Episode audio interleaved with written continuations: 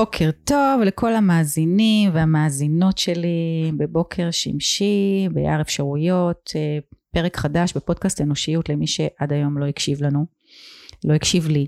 אז אה, אני שמחה שהגעתם, אנחנו חצי שעה שאני מארחת אה, אדם אחד שעושה שינוי, שעוסק בעשייתו, בצמיחה, בהתפתחות, ביזמות משמעותית. ו, ואנחנו יוצאים, יוצאות לדרך. אז היום אני מארחת את אה, דן בן גיגי, שהוא מנהל תוכנית נירים בשכונות. נירים אה, זאת עמותה, אה, אולי אתה תספר, בוקר טוב קודם כל.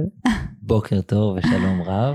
כיף נורא לארח אותך, האמת שאני אגיד למאזינים והמאזינות שלנו שבעצם נתקלתי בגיוס המונים שלכם לפני כשבוע ו... אמ, אני אוהבת אה, שיש דברים שאני יודעת שהם חשובים, הם משמעותיים ואני מכירה קצת את העשייה שלכם. אמ, רגע לפתוח לעוד אנשים שרוצים להכיר ורוצים לעזור ורוצים ככה את המעורבות החברתית הזאת ולכן ככה התגייסנו מעכשיו לעכשיו להקליט את הפרק הזה וקצת לספר על מה זה נראים בהקשר היותר ייחודי כי יש המון עמותות שעוסקות בנוער בסיכוי, בנוער בסיכון, בנוער מודר, בנוער על הקצה אז ככה בוקר טוב, תספר לנו מה, מה, מה, מה זה נראים.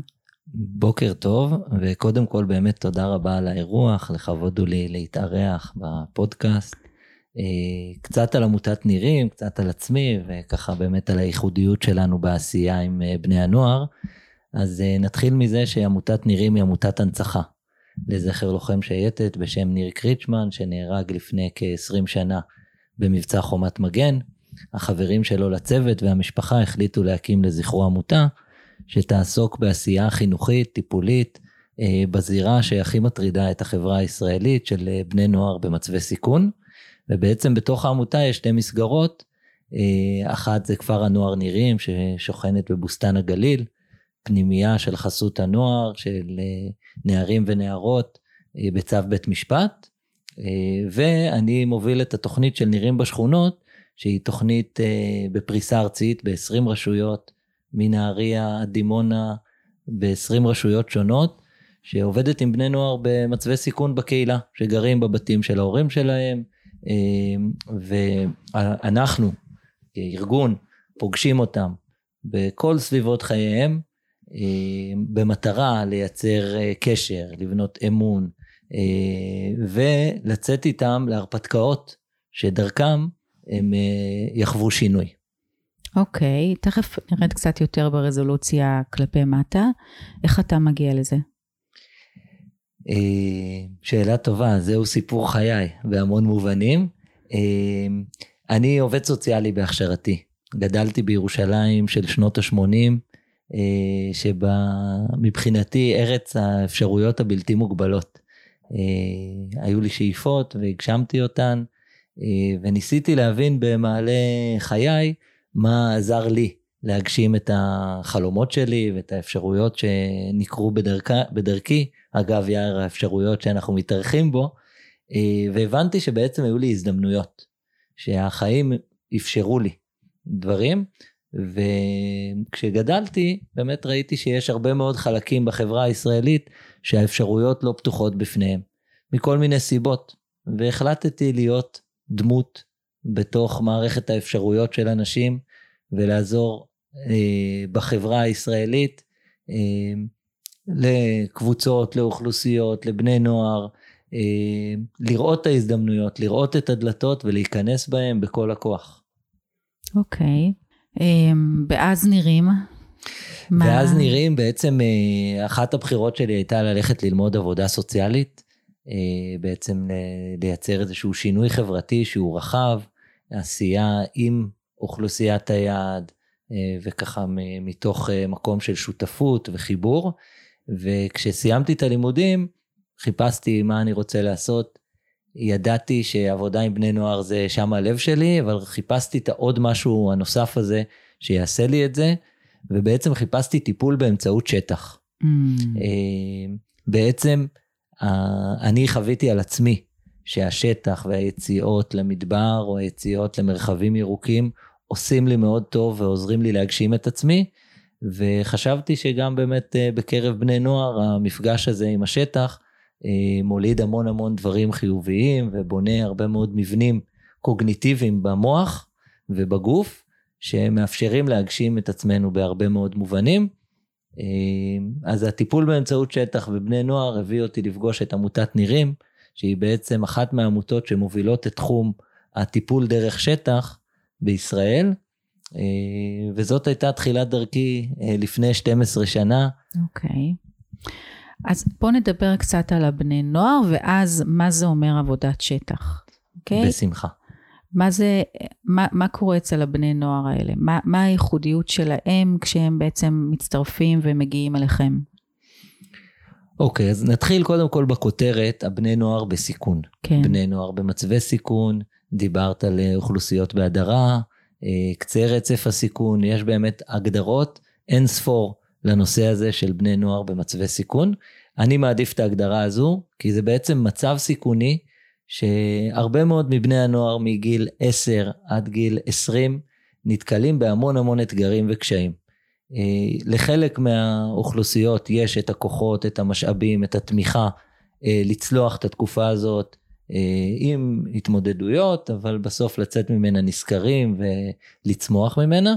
וחלק מהאוכלוסיות בעצם כשפוגשים את האתגרים של גיל ההתבגרות, שזה באמת השינוי בזהות והגדילה והתמודדויות עם מצבים חברתיים מאוד מורכבים, אה, כשאין את המערכת תמיכה, כשאין את המשאבים, כשאין את הכוחות לצלוח את הגיל הזה, אז באמת הגיע, אפשר להגיע למצבי סיכון שיכולים לאיים על המשך חייהם. במה הם מסתבכים?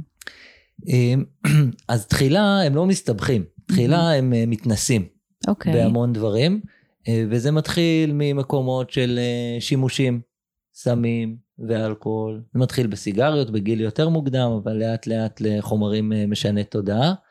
אמ, הרבה מאוד סיטואציות חברתיות שמובילות הרבה מאוד פעמים לעימותים ולאלימות ולחיכוך עם החוק אה, זה יכול להיות ונדליזם, זה יכול להיות אה, קטטות, מריבות, אה, וזה יכול להגיע למצבי קצה יותר רציניים, כמו דקירות ו...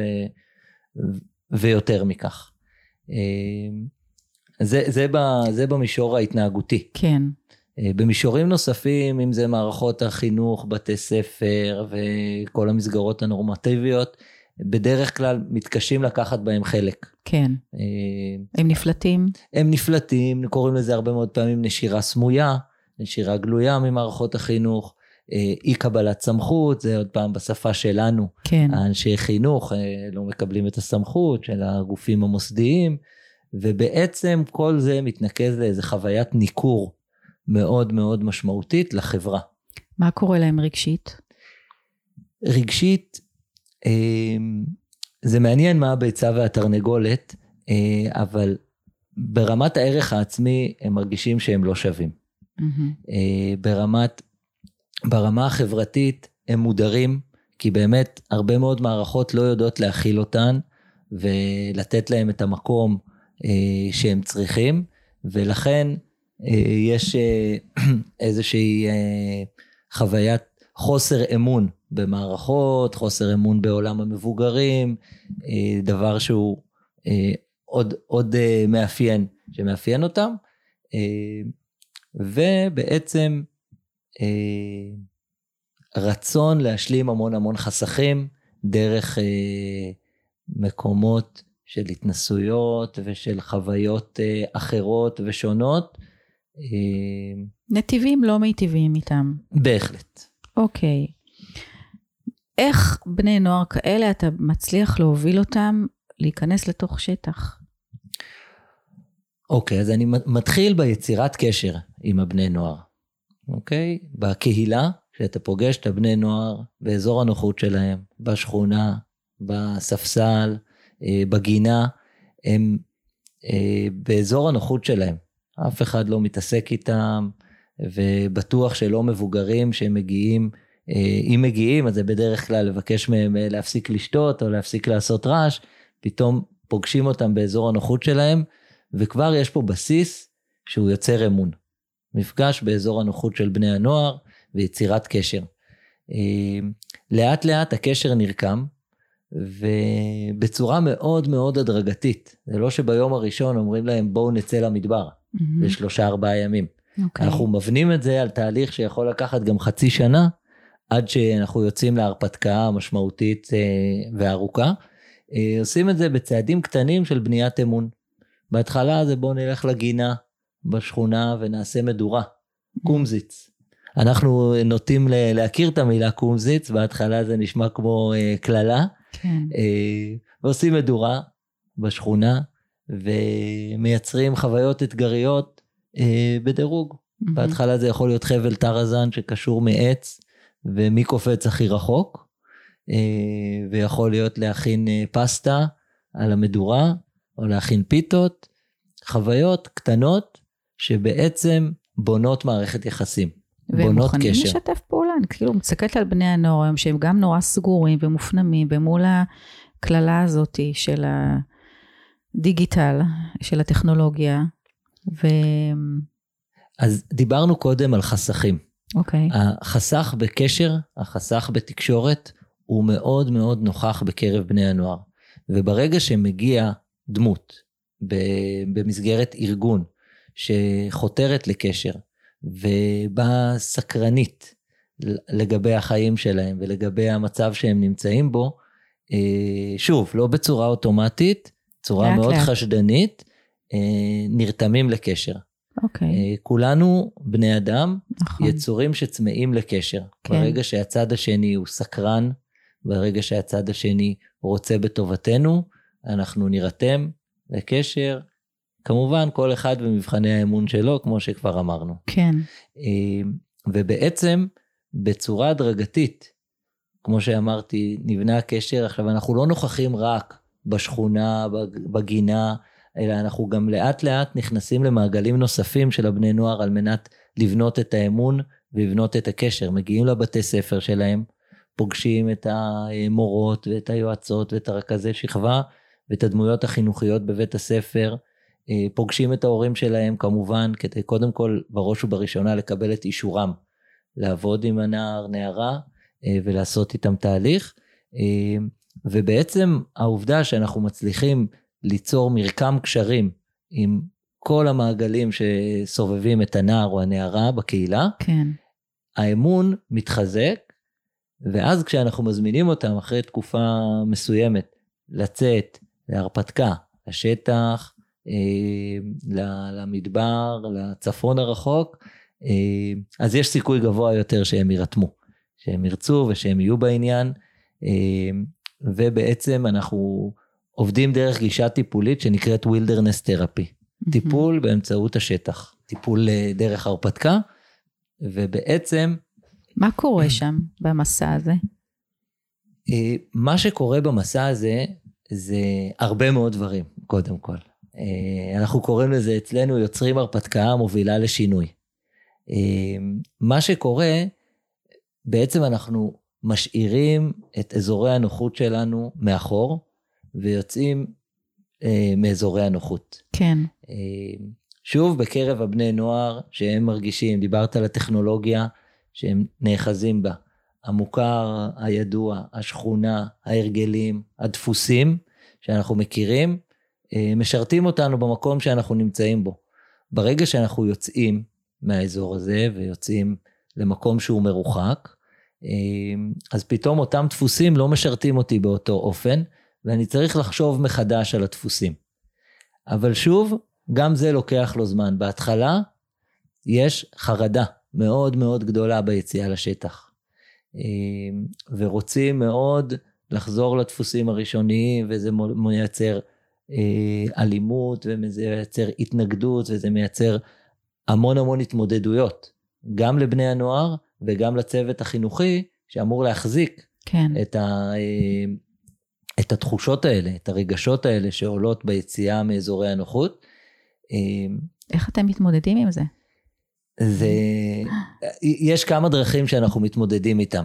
אחד זה קודם כל יחס חניכה. כשאנחנו יוצאים לשטח, יחס החניכה שלנו בין מבוגרים לנערים זה משהו כמו אחד לשניים, אחד לשלושה. אה, שזה יחס חניכה מאוד גבוה שמצמצם את האקלים של אלימות כן. ותוקפנות, זה דבר ראשון. דבר שני זה אמונה מאוד גדולה בכלי הזה של השטח, שיש לו את היכולת לייצר ריפוי, יש לו את היכולת לייצר שינוי, יש לו את הפוטנציאל להוליד חוויות הצלחה שיכחידו את הדפוסים של אזורי הנוחות. אוקיי. Okay. האמונה הזאת מובילה אותנו אה, לצלוח את האתגרים. ואז מה קורה בסוף אה, שלושה, ארבעה, חמישה ימים של מסע? אז לפני שאנחנו מגיעים לסוף, יותר חשוב לי לדבר על הדרך. כשיצאנו, ירדנו מהאוטובוס כן. במדבר, אז דיברתי על החשש והחרדה שתוקפת את הבני נוער ואת הצוות, ואז נכנסנו קילומטר לתוך השטח. הליכה עם תיק על הגב ששוקל משהו כמו 10-15 קילו, עם שק שינה ומזרון, כל הציוד יוצא אל הלא נודע, ואחרי קילומטר אנחנו יושבים במעגל. שיח. כל התהליך שאנחנו מדברים עליו הוא סובב סביב קשר וסביב שיח. כן. ובאותו מעגל אנחנו נשב ונשאל את הנערים, מה המטרה שלכם ביציאה oh. למדבר, למסע? מה הביא אתכם לפה?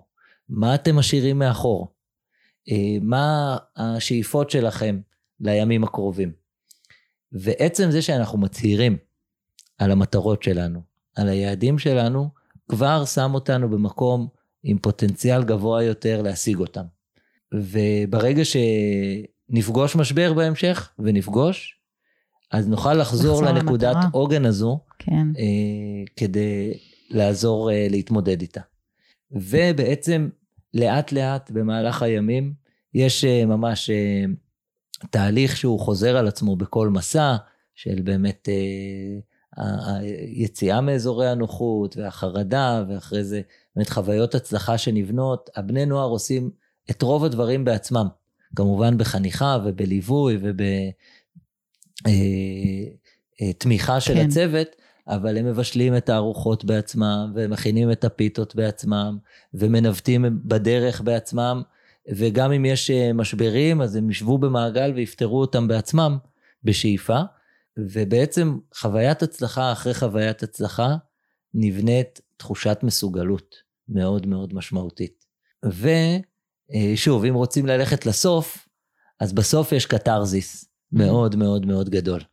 אה, של איזושהי חוויה רוחנית אפילו אפשר לומר, של התעלות, של הצלחה, של אני צלחתי עכשיו שלושה או ארבעה ימים במדבר, אה, התמודדתי עם אתגרים ועם קשיים, אה, ויש לי המון המון יכולות וכוחות שלא חשבתי שיש לי כן. כשיצאתי לדרך.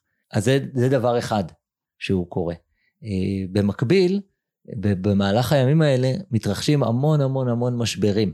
של אה, הנער שהולך, ועכשיו לא בא לו להמשיך ללכת. Hmm? כן, אני רוצה עכשיו שיפנו אותי, לא מעניין אותי, עם מסוק, עם מונית, מישהו שיבוא להציל אותי. כן. וזה, שוב פעם, אותם דפוסים שמתרחשים באזור הנוחות, מתרחשים כן. בקהילה, בשכונה, בבית, איפה שקשה, אני עוצר ולא זז. ופה השטח בא לידי ביטוי. והצוות החינוכי-טיפולי שתומך את המהלך הזה בא לידי ביטוי, שאומר, הכל טוב, אנחנו נשארים איתך. וברגע שתרגיש שיש לך את הכוחות ואת המשאבים, נקום ונלך. ובהתחלה יש המון המון כעס. כן. וטינה.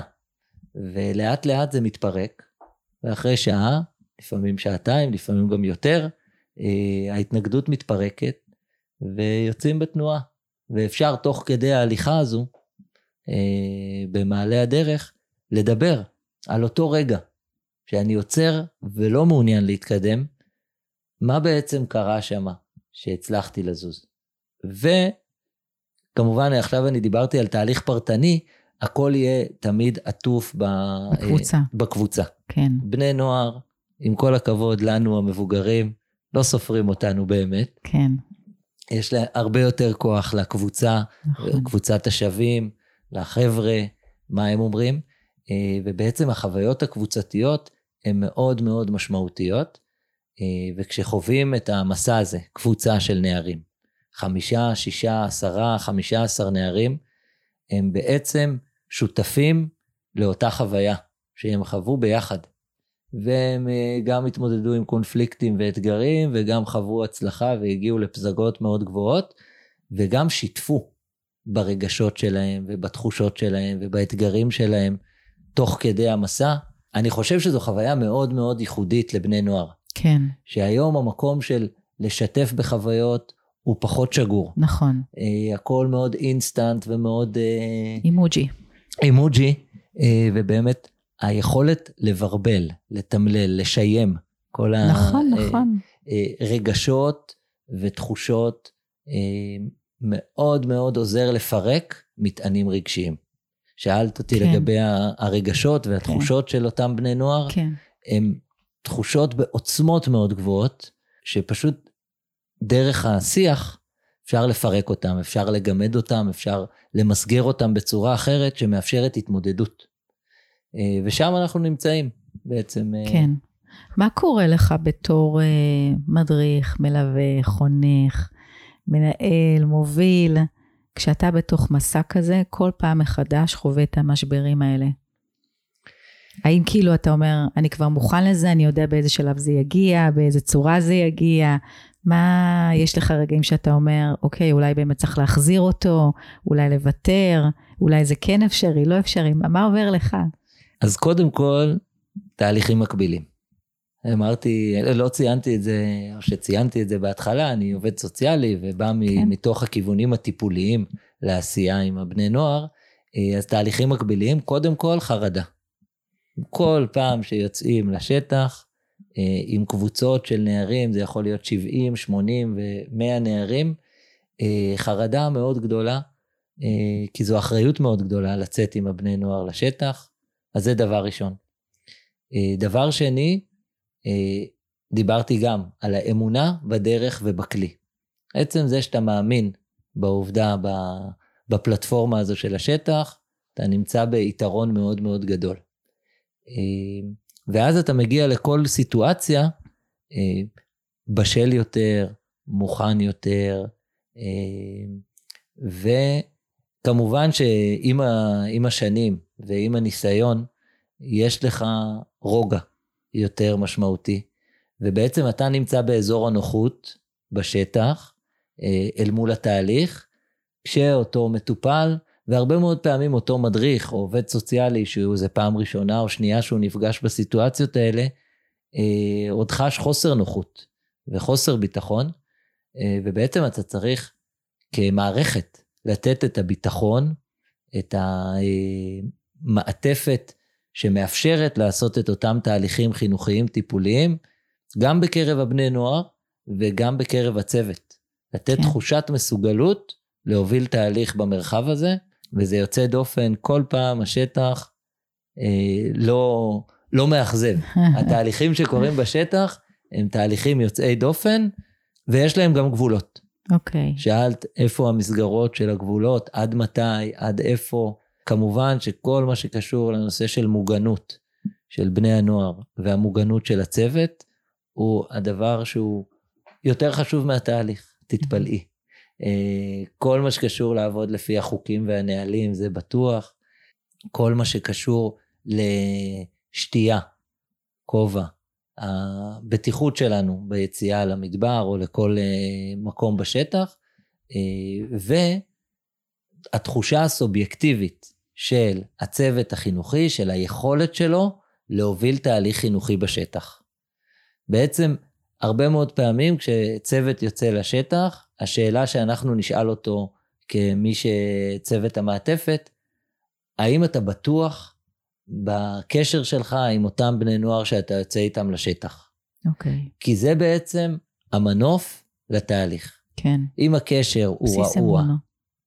מה זה? בסיס של אמון. לגמרי, בסיס של אמון. אם הקשר יש לו אה, יציבות, אז אפשר לייצר בו תהליך. כן. אתה יודע, אני מקשיבה ואני אומרת, אה, אנחנו באמת נמצאים בתקופה ש... אני עובדת עם הרבה מאוד מוסדות רפואיים שיש עדויות לגידול מאוד אה, משמעותי בבני נוער שהם במצבי דיכאונות, חרדות, אה, שלא לדבר באמת על סמים בהתנסויות בדברים שמשנה תודעה וגורמים להרבה מאוד בעיות פסיכוטיות, פסיכוזיות. וזה כנראה איזשהו חורים שהיו תמיד שם, רק שהמשבר שקרה בשנתיים האחרונות הוציא את זה החוצה והעצים את זה, והרבה מאוד הורים אה, אבודים בתוך היכולת להתמודד עם נערים ונערות. ואני אומרת, אה, בעצם אתה מדבר כאן על כלי שאתם משתמשים בו, זה הייחודיות של נירים, אבל אני חושבת שאם כל הורה שמקשיב לנו עכשיו, או כל אה, אדם שחשוב לו נושא החינוך ושם לב מה קורה סביבנו אצל בני הנוער, זה, זה כלי שאפשר באמת גם, גם אם הם לא יודעים, פשוט באמת לקחת את ה... אתה, אתה מדבר על כמה אלמנטים, פעם אחת על איך מבססים אמון, ועל קשר והתקשרות, שזה אמ, אלמנטרי, כי יש שני, שני צירים שאנשים שבאים לעולם מניעים אותם, זה, זה התקשרות והשתייכות. ו, ואתה מדבר על הקשר וה, וה, והתקשורת והחיבור, ואתה מדבר אה, על לצאת מאזורי נוחות. ושם אפשר להגיע, נסייג ונגיד כמעט לכל אחד, אוקיי? Okay? אני, אני חושבת שכשלא מוותרים ואתה אומר, אוקיי, הגענו למשבר, אנחנו יושבים, אני מקשיב, אני פה איתך עד שנעבור את זה, עד שזה יעבור הגל הזה, ונוכל להמשיך קדימה. ואם יש משהו שכל מי שמקשיבה לנו ומקשיב לנו יכול לקחת, זה לשאול את עצמו רגע עכשיו, עד כמה הקשר שלי פתוח עם הילדים שלי, עד כמה יש אמון לדבר על הפחדים, על החששות, על התסכולים, על החרדות, על האתגרים, עד כמה יש לזה מקום בביטוי בבית.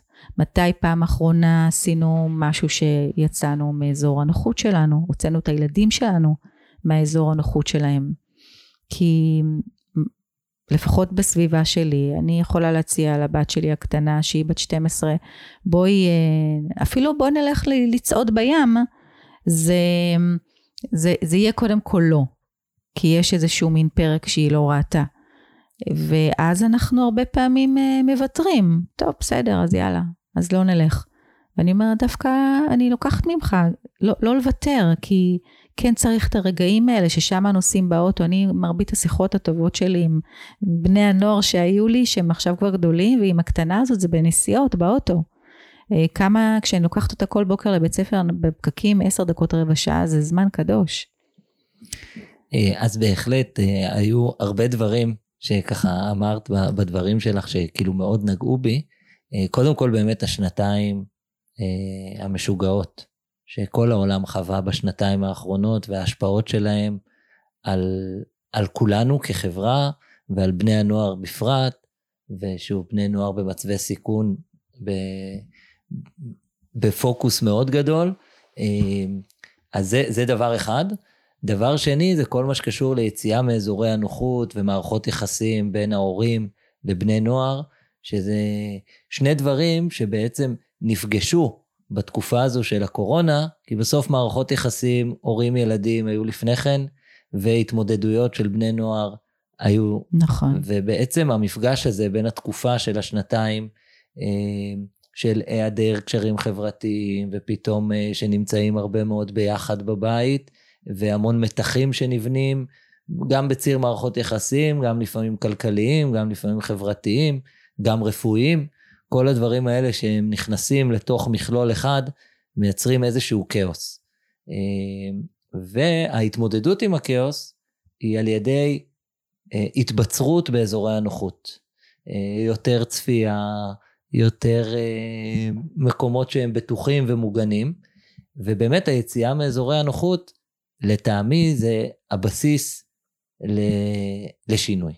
אוקיי. Okay. אה, ובהחלט כל אחד יכול לעשות את זה. אה, לקחת את עצמי, לצאת מהבית, לטיול ברחבי השכונה, כן. זה כבר מהלך שיכול אה, לפרק את עצמנו מבחינה הורמונלית, לפרק את עצמנו מבחינה של דפוסים ולשחרר דברים שאנחנו חושבים שתקועים בנו. אבל צריך את הנכונות המאוד משמעותית של דמות המבוגר. של הגוף המטפל לצאת מאזור הנוחות בעצמו. כן. אם ההורים עצמם, או המטפלים, או אנשי חינוך, לא מוכנים בחפץ לב לצאת מאזורי הנוחות שלהם על מנת לייצר שינוי, אנחנו נישאר באותו מקום. חשוב, מה שאתה אומר. ואני חושב שדיברת לא לוותר, ושאלת אותי מה התחושות לפני שיוצאים למסעות, הרבה מאוד פעמים אתה אומר, כמה סכנה, כמה אתגר, כמה התמודדות, כמה שחיקה, בשביל מה? אבל אז כשאתה רואה את המטרה של אותו נער, אותה נערה, עם האתגרים הכל כך משמעותיים וההתמודדויות הכל כך גדולות, המטרה, אה, לצורך העניין, נקרא לזה, מקדשת את האמצעים כן. של לצאת מאזורי הנוחות. כן. אה, ולחוות, לאפשר לאותם בני נוער חוויה שהיא חוויה ייחודית, חוויה בעלת ערך, חוויה עם משמעות, חוויה עם כן, תחושת משמעות. שייכות, כן, אה, חוויה של ביחד, חוויה של תקשורת, חוויה של אמון, שאנחנו יודעים שבסוף, מה אנחנו כבני אדם?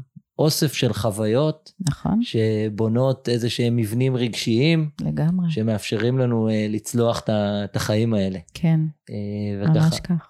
אה, אני רואה אוקיי. פה על, ה, על הקיר את מטרת החיים היא חיים עם מטרה. אה, במובן של המטרת על, של המשמעות, של מגדלור. כן, אז בדיוק, כן. להציב מטרות נכון. ויעדים. אה, כמו שדיברתי, ביציאה לשטח כן. אני מציב מטרות. אה, שאלת אותי מאיפה באתי, אז באתי ממקום שכל הזמן מסתכל קדימה ומציב מטרות. כן, אה, ואם אנחנו נצליח לחנך את הנערים והנערות להציב מטרות, אה, עכשיו מטרות זה מאוד חומרי, או לא בהכרח לא חומרי, חייב. זה מאוד קונקרטי. כן, אה, יש את המקום של אה, שאיפות כן, וחלומות. אה, אני חושב שזאת אחת המשימות שלנו. כן, דרך מטרות ויעדים שהם קונקרטיים, אה, לאפשר לחלום לאפשר לחלום. ולהגשים דברים שהם מחוץ למה שאנחנו חושבים שאפשרי, שאנחנו מסוגלים, שאנחנו יכולים, אה, ואם לא נחלום חלומות, אה, ברור. טעם החיים. טעם החיים, אבל עוד פעם, אני חושב שזה לא, לא לכולם. כן, כן, זה, זה עבודה. זאת למידה, זאת התפתחות, זה תעוזה, זה באמת לצאת מאזורי הנוחות. אה, זה, זה לצאת מהאוטומטים ולסגל הרגלים ודפוסי חשיבה ואמונה, אני חושבת שאמונה בעיקר. דיברת על זה הרבה, אני חושבת שבאמת בלי אמונה אי אפשר לעשות את זה. לגמרי, אני רוצה כאילו באמת לסגור חלק כן, אנחנו, מהדברים. זהו, כבר ממש הגענו לסוף. הגענו לסוף, באמת, לצערי, היום חלומות זה לאוכלוסיות פריבילגיות. והמטרה שלנו בנירים היא לאפשר לבני ובנות נוער לחלום ולהגשים חלומות אה, דרך מעשים פרקטיים, כן, קונקרטיים. אה, ובאמת, אנחנו אה, עובדים כמעט 20 שנה, ב... קראתי לזה השבוע, בשבוע האחרון, אה, בשדה הקרב של החברה הישראלית, אה, בעקבות הימים שעברנו, כן, אה, מהזיכרון ועצמאות, במטרה לפגוש את אותם נערים ונערות שהקהילה מתקשה לתת להם את המעטפת שהם צריכים, ואנחנו שמה כדי לתת להם את אותה מעטפת, לפגוש אותם בראש ובראשונה, לאהוב אותם, לחבק אותם, להכיל אותם, לתת להם את הפלטפורמה אה, לצמוח כן. ולגדול. אנחנו ממש מגיעים לסוף, זה עובר מהר.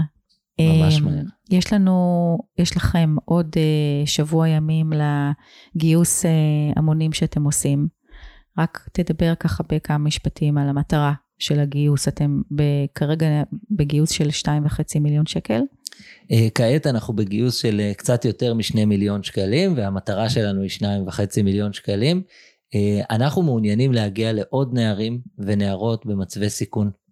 השנתיים האחרונות, כמו שדיברנו, היו קטסטרופה אה, למצב הרגשי והחברתי בקרב הבני נוער. המון התנהגויות סיכוניות שגבהו, אה, ואנחנו... אה, איך אתם הולכים לעשות את זה? אה, אנחנו הולכים להגיע לעוד רשויות, אוקיי. שבהם יש בני נוער במצבי סיכון, לפתוח עוד מסגרות, גם תחת אה, משרד הרווחה וגם תחת בתי ספר ומשרד החינוך, להגיע לעוד נערים ונערות במצבי סיכון, דרך מסגרות בקהילה, אה, ולסייע להם לעלות על דרך המלך. קצת נתונים יבשים, היום יש כמה מרכזים? היום אנחנו עובדים ב-20 רשויות. 20 רשויות. עם למעלה מאלף בני נוער. אוקיי. המטרה שלנו בשנים הקרובות, להכפיל את בני הנוער שאנחנו עובדים איתם בשלוש שנים הקרובות, אה, לפתוח עוד מסגרות okay. אוקיי. ברווחה ועוד מסגרות בבתי ספר. אה, באיזה פלטפורמה נעשה הגיוס? הגיוס נעשה ב-JGIV, עמותת נירים. עמותת נירים, JGIV, אנחנו נשים גם קישור פה מתחת לפרק, ואנחנו ממש מבקשים מכם, מכן, להעביר את הפרק הלאה, לתת לעוד אנשים סביבכם הזדמנות לקחת חלק במטרה כל כך גדולה הזאת, לעזור לעוד בני ובנות נוער, אה, כדי באמת אה, לתת להם הזדמנות. לחיות את החיים שלהם כפי שהם מגיע להם, כפי שהם ראויים, כפי שהם יכולים, וכל אחד מאיתנו יכול אה, ויכולה לעזור. אה, אז תיכנסו גם לעמותת נירים לעמוד, אנחנו נשים פה למטה את הקישור, ואני רוצה להגיד לך תודה רבה שבאת. אה, תודה רבה לך על ההתגייסות ממש מעכשיו לעכשיו, ועל ההזדמנות לבוא ולדבר על העשייה שלנו, מאוד מאוד מוערך. יופי, ושנזכה מרתק. לעשות דברים אמן, טובים. אמן, להתראות, שבוע טוב. חן חן, שבוע טוב.